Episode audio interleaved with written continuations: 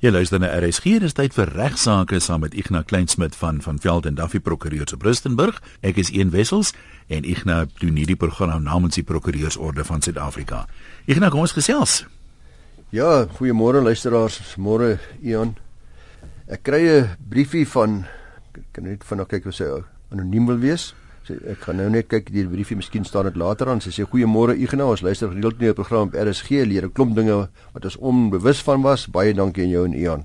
Ons sal waardeer indien jy dalk ons dilemma in die toekoms kan bespreek op die program. Ons is op 16 Maart 1968 in die NG Kerk in Wetsdorp getroud. 'n Paar jaar gelede het iemand my geadviseer om op Mannekrag se webtuiste te gaan kyk wat ons state is. Die Mannekrag seker departement arbeid, ek weet nie. Daarvolgens lewe beide ek en my man nog, maar hy is getroud en ek is geskei. Nou. My vele navrae ek nou lag daar. Hy sê sê my vele navrae het by drie verskillende mannekragdepartemente. Moet nou sê praat van eintlik van binnelandse sake seker praat. Sê maar sy praat van mannekragdepartemente as die inligting bevestig.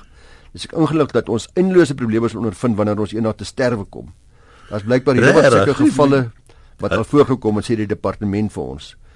Dan dusver kon een van die amptenare my sê wat om te doen om dit reg te stel nie. Hulle kan nie vir my sê wanneer ek geskei is, geskei in aanhalingstekens is nie. En hulle kan nie vir my man 'n huweliksertifikaat afskrif gee. Alhoewel hulle sê hy's getroud. Sê hulle moet wie? Ons prokureur het gesê ons moet maar weer trou. Maar dit kan ook nie gebeur nie want my man is reeds getroud. Ou. oh. Nou sê sy baie dankie op die voorbaat. Ek sien dis Marita Klasens. Sy het nie gevra om anoniem te bly nie. Nou Marita op 26 Januarie 2016 het ek jou skrywe gekry en omtrent seker 2 3 e-posse daarna toe sy 'n nuusbrief van die president van die Wesduisen prokureur sa Rustenburg wat met die opskrif wanneer is jy wettiglik getroud? En uh, dit is presies wat jy vra wat hulle toe daar bespreek. Nou die van u wat sewe laan op televisie kyk soos en, ek en Mala ja. sal weet dat oubaas en Hilda dieselfde probleme ondervind het en oubaas van mening was dat hy en Hilda in sonde gelewe het met die departement ook aangedui het op haar paspoort dat sy ongetroud is. Hulle het toe maar weer getrou, haar by dak by Sewende Laan. Uh terwyl terwyl hulle vir 'n tyd met oupa's geweier om enigstens naby haar te kom want hy wou nie in sonde met haar lewe nie. Hulle toe maar weer die laken opgesit soos hulle daar in Sewende Laan doen tussen die twee mense. Nou ja, uh Marita se probleem is dus dat hulle volgens die staatsdepartement nie wettig getroud is met mekaar nie aangesien sy as geskeide persoon aangetoon word uh, en hy is getroud. Uh, ons vind dit baie gereeld dat foute by binnelandse sake voorkom. Naamlik getroude persone word nie aangedui as getroud nie omdat die inligting om een of ander rede nooit by die departement uitgekom het nie of meer waarskynlik wel daar uitgekom het maar nie behoorlik genotuleer is nie. Wat meer gereeld gebeur, en gereeld gebeur nou al hoe meer in my kantoor en dink ander prokureurs ook, uh, is dat prokureurs wat egskeidings hanteer egskeiding afhandel is wanneer een van die geskeide partye weer wil trou, dan is die egskeiding nie aangeteken by die departement nie en kan die huwelik nie plaasvind nie, maar dit 'n papier uh, bigamie sal wees. Uh, en dat die departement se dokumentasie volgens hulle korrek is en nie en dan eers reggestel moet word. Nou in daai geval sal ons normaalweg die egskeidingsbevel by die hof verkry of die kliënt so adviseer want die kliënt is nou kwaad vir my as prokureur. Dis by my skuld. Ja. Dit is glad nie my skuld is nie wat moet gebeur is die griffier van die Hooggeregshof waar die egskeiding plaasvind van daai hoër hof. Daai griffier stuur hierdie dokumente na die departement toe en dan word dit behoorlik dan aangeteken en genoteer. En dan is daar geen probleem nie. En vir baie jare lank, ek doen al vir 30 jaar egskeidings en dit dit was vir 2 25 jaar nooit 'n probleem nie. Nou skielik begin dit al 'n groter probleem raak. Nou wat ons nou moet doen om dit reg te stel, ek stuur die kliënt maar weer egskeidingshof toe na die hof toe waar hulle geskei is om dan maar die egskeidingsbevel daar te gaan afhaal. En uh dan dit te vat in die departemente sodat hulle feite kan herstel daarby hulle sodat die huwelik kan plaasvind. Nou Marita Klasen se geval is egter so bietjie meer ingewikkeld omdat daar aangedui word dat sy geskei is andersom.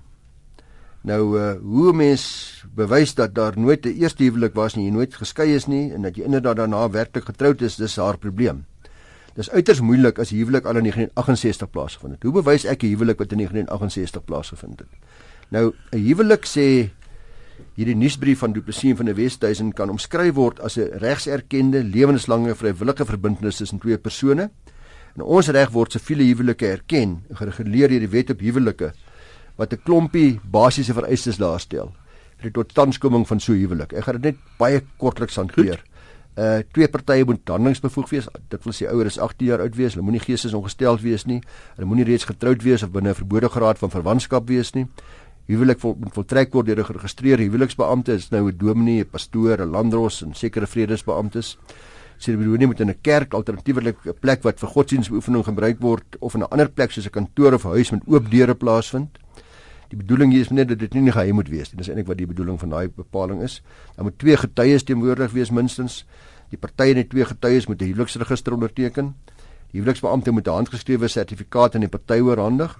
Die huweliksbeampte moet die dokumente aan die departement van binnelandse sake stuur. Nou, dis hier wat deesdae die probleem plaasvind. Daai huweliksbeampte, die dominee wat ek nog moet vir die departement stuur, net soos wat die griffier die eskeringsdokumente moet stuur vir die departement. Nou iewers daar gaan iets verkeerd. Ek vermoed maar by die departement self, maar dit is maar net spekulatief. As dit alles gebeur het en dis die punt wat ek wil maak. As alles gebeur het, as jy by die getroud was, die dominee was daar, hy was behoorlik in staat om jou in die huwelik te tree. Jy het daar was getuies gewees, daar was 'n register geteken gewees. Dan is jy getroud. Punt stop klaar. Jy's wettiglik getroud.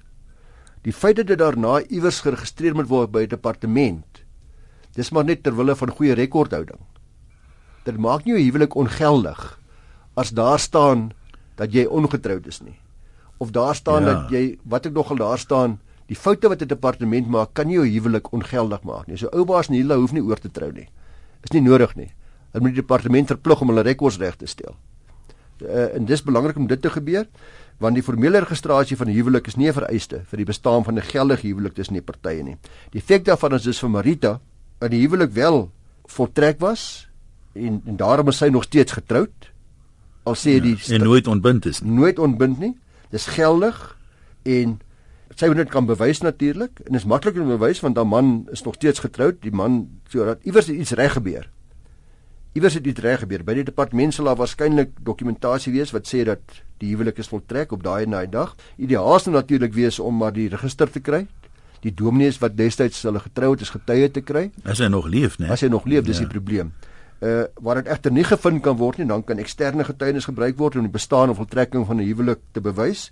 Dis getuienis soos byvoorbeeld ma en pa wat daar was, susters, broers, dominee, familie, almal wat daar teenwoordig was. Dit sal bewyse wees en uh dis be, die bewyse dat u byvoorbeeld is man en vrou saamgeleef het van daai tyd af.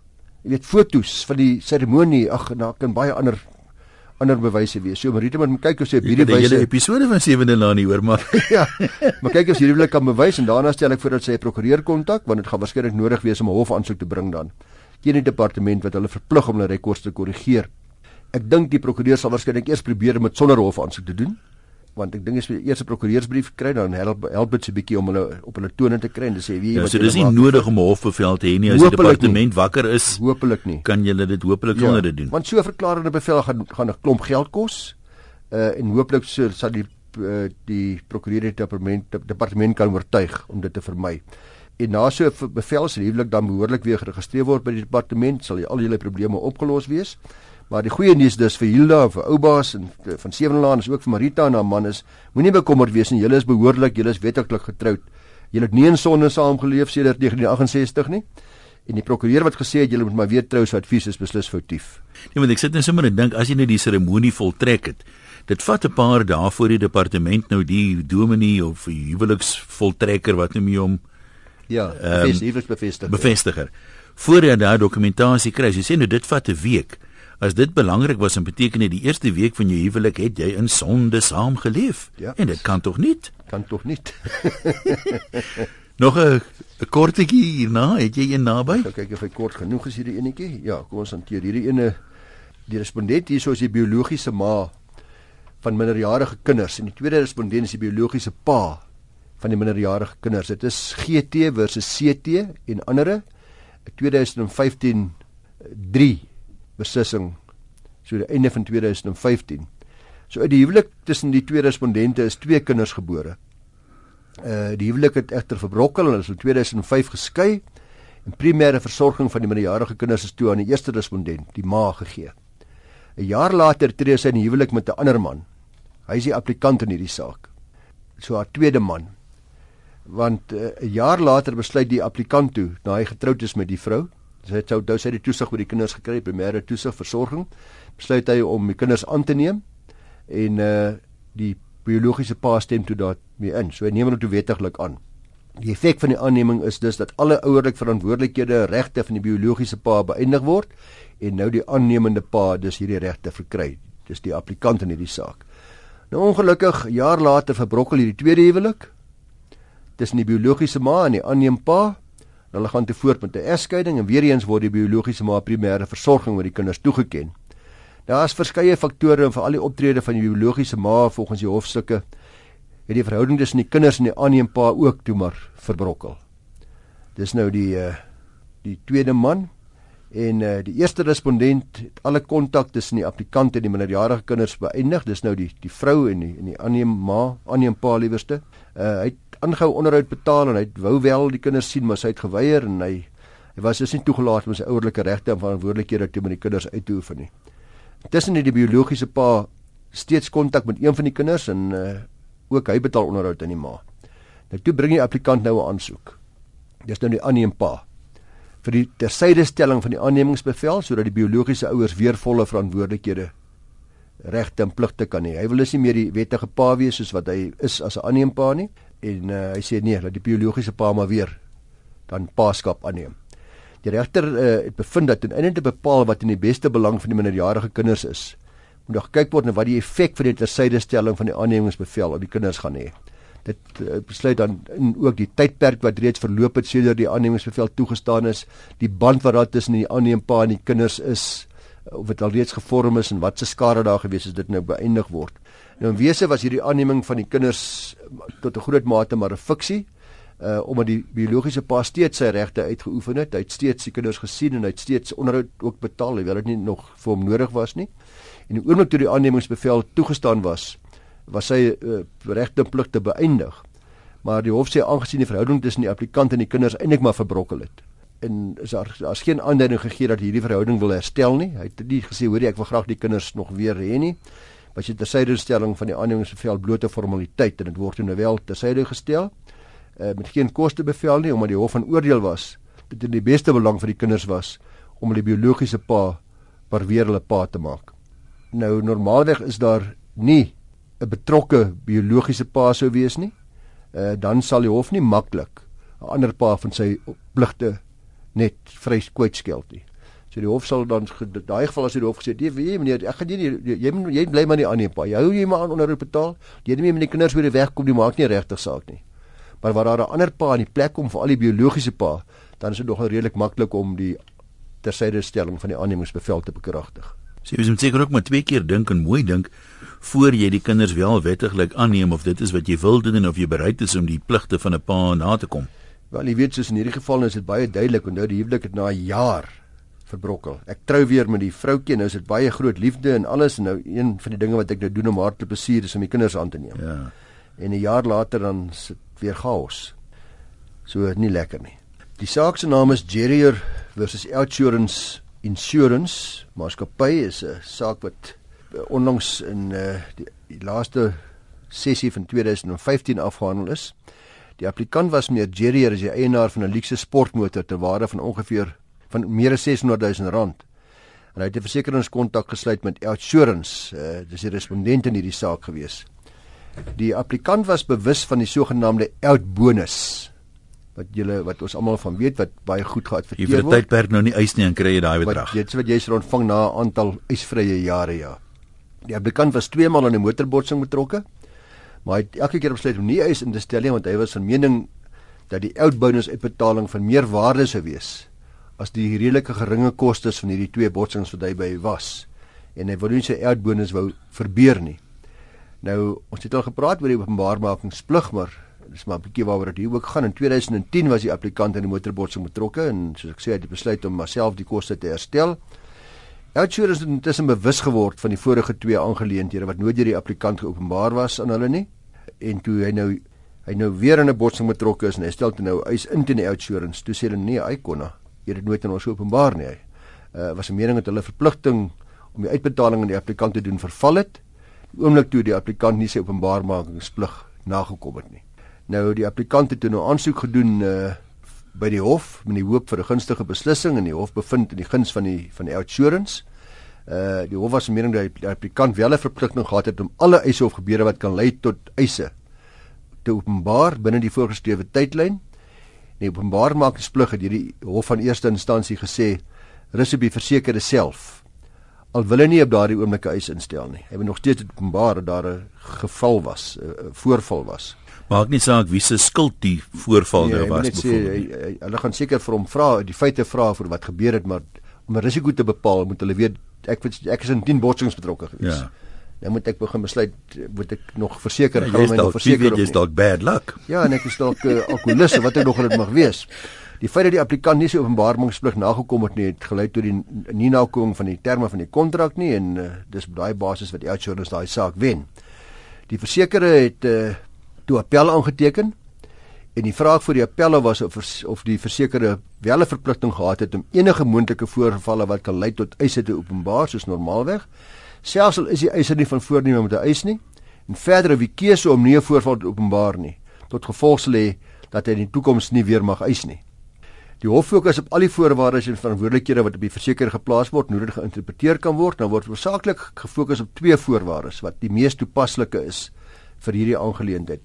Eerste een is die, verantwoordelikheid is net om gedek te wees om om persone gedek te hou. Die eerste lys voorwaardes was daarin spesifiek te sê wat die vereistes is wat jy as versekerde moet nakom om wel dan gedek te wees deur die versekerde. En die eerste vereiste was dat jy moet premies betaal ten volle en op tyd. Tweede is dat die versekerde moet die versekeraar met volledige en ware inligting verskaf wanneer hy aansoek doen vir die versekering, dis by die aansoek. En verder sê dit jy moet die verder die versekerde in kennis stel van enige verandering in jou omstandighede wat 'n invloed sal hê op jou versekerde produk. Dus luisteraars, as daar enigiets gebeur wat 'n invloed kan hê op die versekering se keuse om jou te verseker of op die premie wat hulle jou vra of die voorwaardes, dan moet die versekering dadelik in kennis gestel word. Nou die hof sê dat uh, die tweede een is dat hierdie voorwaardes van toepassing wanneer jy as versekerde eis wil instel, naamlik jy moet enige skade aan die versekerde motor onmiddellik openbaar aan die versekeraar selfs al is jy nie van voorneme om dadelik eis in te stel nie. Die hof sê verder is duidelik uit die tweede voorwaarde dat daar tydstyp van uh, voorgeskryf van 30 dae waarbinne jy met enige voorvalle openbaar. Sou dit 30 dae tydperk verstryk, kan jy nie meer eis instel nie. Nou die hof kyk eers kyk na hoe verstaanbaar die terme en voorwaardes was vir die versekerde. Die versekeraar was van mening dat die kontrak juis so wyse opgestel is dat dit maklik leesbaar en verstaanbaar is maar die hof is glad nie hiervan oortuig nie. Die hof stem nie saam nie. Die hof sê dat die versekerde se bedoeling om die kontrak in algemene taal op te stel, beslis nie die bedoelde uitkoms gehad het nie. Dit mag hulle bedoeling gewees het, maar dis nie die uitkoms nie, sê die hof.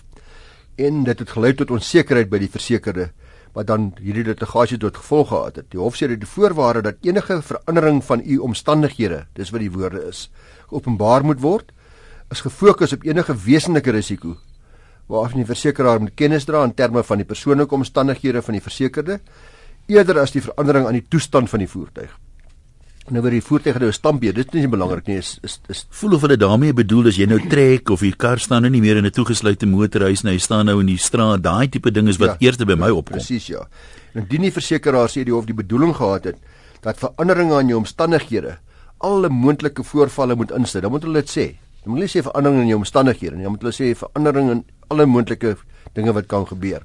So die hof bepaal dan uiteindelik dat eh uh, die appel word gehandhaaf, die uitslag en outsurance moet dan eh uh, die bedrag vergoed. Die hof het ook gesê dat ek net miskien net noem, ek het dit nou vergeet. Die hof het ook gesê dat die feit dat hulle soveel klem lê op die feit dat jy 'n outbonus gaan kry 'n duidelike motivering is vir mense om nie eise in te stel nie en daarom is dit vir die leek die gewone versekerde 'n uh, 'n aanduiding dat ek hoef nie eise in te stel nie. En hoekom moet die versekering daarvan weet? Want ek gaan 'n outbonus kry as ek nie eise instel nie. As jy daar so die hele die hele produk wat 'n bietjie eie soortig is wys die hof daaroor dat die, die soortigheid van hierdie produk is soveel te meer aanleiding daarvoor dat mense nie gaan eise instel nie. En dan moet dit baie duidelik gemaak word vir hulle in die polis dat jy moet my van enige ja. voorval in kennis stel. Selfs al eis jy nie daarvoor. Selfs al eis jy nie daarvoor nie. Nee, want ek meen as 'n mens nou kyk hoe duur is die herstelkoste aan 'n motor. Tipiese voorbeelde van hierdie goed is gewoonlik die klein minimale goedjies wat kom ons sê R5000 of wat gaan minder as dit gaan kos.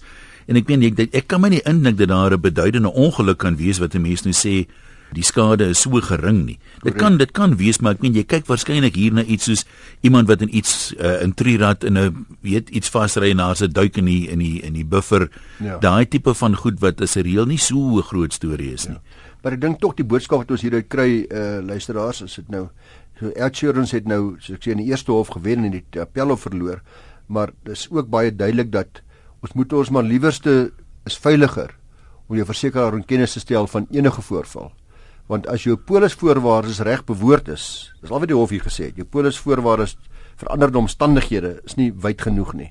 As jou polisvoorwaardes reg bewoord is en ek dink alle versekeraars gaan iets uit hierdie hofsaak uit leer en dalk nou hulle polisvoorwaardes bietjie aanpas om duidelik te maak. Sal interessant wees om te sien of insurance wel 'n wysiging gemaak het in die bewoording van daai klousule. Ek glo hulle sal waarskynlik na hierdie uitspraak. Dit mag natuurlik wees dat hulle dat hulle dit nie gedoen het nie en dat hulle nou daai risiko so eh, aanvaar maar uh, ek dink ook ander versekerings gaan weer na hulle bewoording kyk want dit nie die bewoording wat hulle wat assurance het is maar min of meer dieselfde in die in die bestaande versekeringskontrakte ook van ander versekerings.